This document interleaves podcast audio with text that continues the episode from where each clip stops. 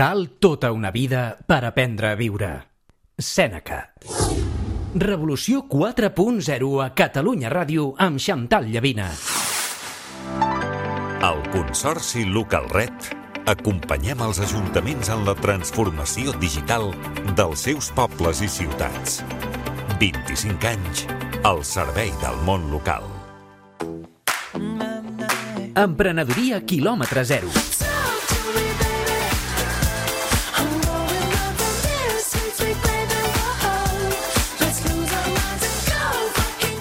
Oients, sabeu què és l'economia blava? És un concepte eh, sorprenent i a la vegada imprescindible. No us perdeu els pròxims minuts del programa. Green, green girls,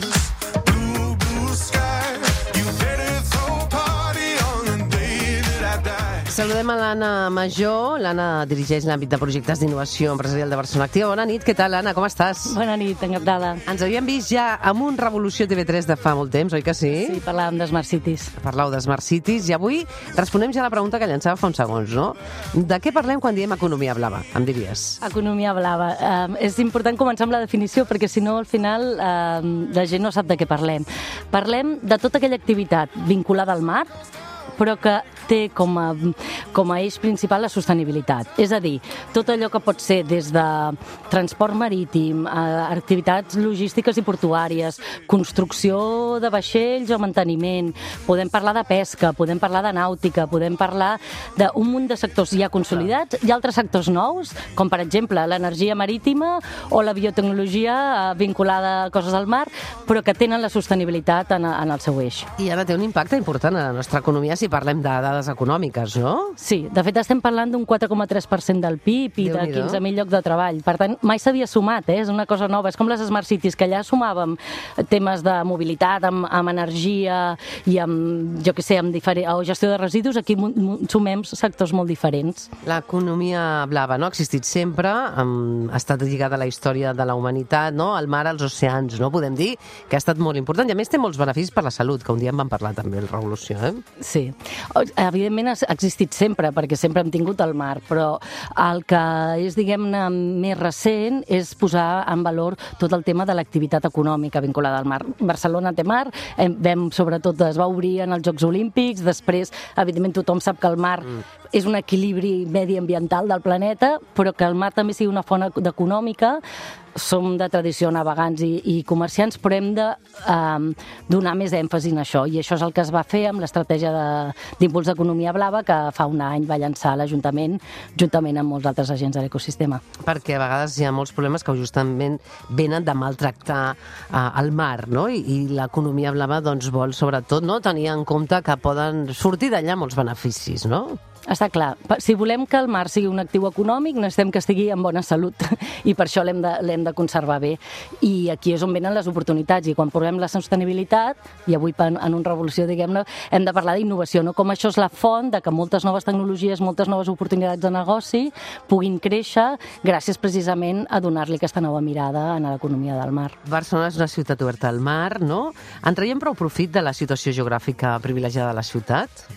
Tenim 16 quilòmetres de costa, per tant, el mar, a mi m'agrada dir que això, Barcelona és una ciutat amb talent, és una ciutat amb innovació, és una ciutat amb mar, i el mar ha de ser un actiu que ens faci diferencials, i per tant, um, per això estem treballant no només l'economia blava local, sinó també internacional, i, i com, per exemple, la Copa Amèrica decideix aterrar a Barcelona i fer la seva, seu, eh, la seva regata el 2024 aquí, o com aquesta setmana um, esdeveniments d'entitats internacionals com World Ocean Council, per exemple, fan aquí un esdeveniment de, de sostenibilitat marina. Clar, ah, per tant, eh, hi ha una estratègia blava, no? Parlaves de la Copa Amèrica, el Saló Nàutic, no? Podria ser un altre exemple, no? Hi ha diferents exemples? Totalment. De fet, eh, parlem de que estem a la Blue Economy Week, perquè tenim el Saló Nàutic, però això tenim un esdeveniment internacional, tenim un esdeveniment sobre finances blaves. De fet, l'increment de capital risc en temes blaus els últims anys ha sigut exponencial, cosa que demostra que és una oportunitat. Però tenim també altres esdeveniments, per exemple, en l'Smart City Expo, precisament parlant de Smart City, tornarem aquest any a fer per primer cop un, un, un vertical d'oceans, perquè les ciutats en mar també tenen oportunitats. It's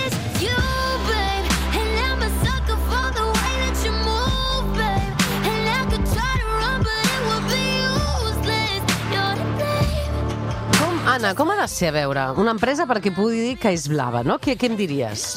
És el que et deia al principi, és de sectors molt diferents. Pot ser una empresa de transport marítim, Val. pot ser una empresa de pesca o, de, o que recull, per exemple, un, un recurs marí i amb això fa una vacuna del Covid. Clar, i, i els sectors, eh? Quins sectors tant d'economia tradicional com emergent pot afavorir, eh, em diries, aquesta estratègia blava, eh? Eh, et deia, eh, transport marítim, logística és el més habitual, pesca, nàutica, i a nivell emergent, doncs, com et deia, des de temes de biotecnologia o les energies renovables, ara també treballen al mar, des d'utilitzar la força d'una boia eh, per agafar la força del mar per transformar l'energia, com posar aerogeneradors al mar, malgrat la controvèrsia. Clar, i això esteu col·laborant, no? Amb una col·laboració público-privada, no? Mm, Sí, de fet, aquesta- possible? Sí, aquesta mesura de govern o aquesta estratègia no, es va liderar des de l'Ajuntament, però s'ha treballat amb el Port de Barcelona, amb, ec- amb ecosistema d'empreses, amb universitats, amb, per exemple, jo que sé, el CSIC, la, UPC, o també inclús associacions de veïnals. És, el- volem que sigui un projecte de tots, no només en el disseny, sinó també en l'execució. Perquè... I, digues, digues, digues. No, perquè el que volem és que sigui una cosa que tota la ciutat se la senti seva i que tinguem clar que el mar és un actiu de la ciutat i que ens ha de permetre aquesta activitat econòmica i sobretot generació d'ocupació. I quins professionals demanda hi haurà i demandarà l'economia blava? Oferirà bons llocs, no?, de treball a curt termini? Precisament, com que estem parlant de sectors superdiversos, s'ha fet un estudi de quins seran els nous nínxols, però estem parlant d'ocupacions també molt diverses. Estem parlant des d'un fuster o un lampista que es reinventen o aprenen a treballar, per exemple, en un vaixell, apren... es necessita que aprenguin anglès i que aprenguin nous materials, però això els hi pot permetre incrementar els seus ingressos, o estem parlant també de tecnòlegs que parlen d'hidrogen com a nous sistemes de propulsió i que, per tant, han de dissenyar el futur de la propulsió del, dels vaixells. Per tant, estem parlant d'un ventall molt, molt ampli. Molt bé. Doncs escolta, economia, economia blava, empresa blava, no? Parla que van anar, se'n parlarà moltíssim, no?, també d'aquesta economia cada vegada més. Cada vegada més. De fet, és el que deia, eh, només l'increment de, de fons de capital risc que han aparegut demostra que és una oportunitat.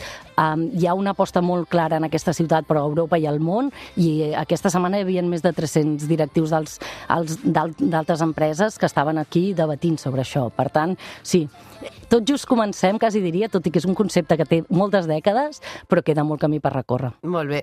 Doncs, Anna, gràcies per venir a explicar-nos què és l'economia blava. El mar ens ha donat vida, ens la seguirà donant i, sobretot, si el que sabem també, cuidar molt bé.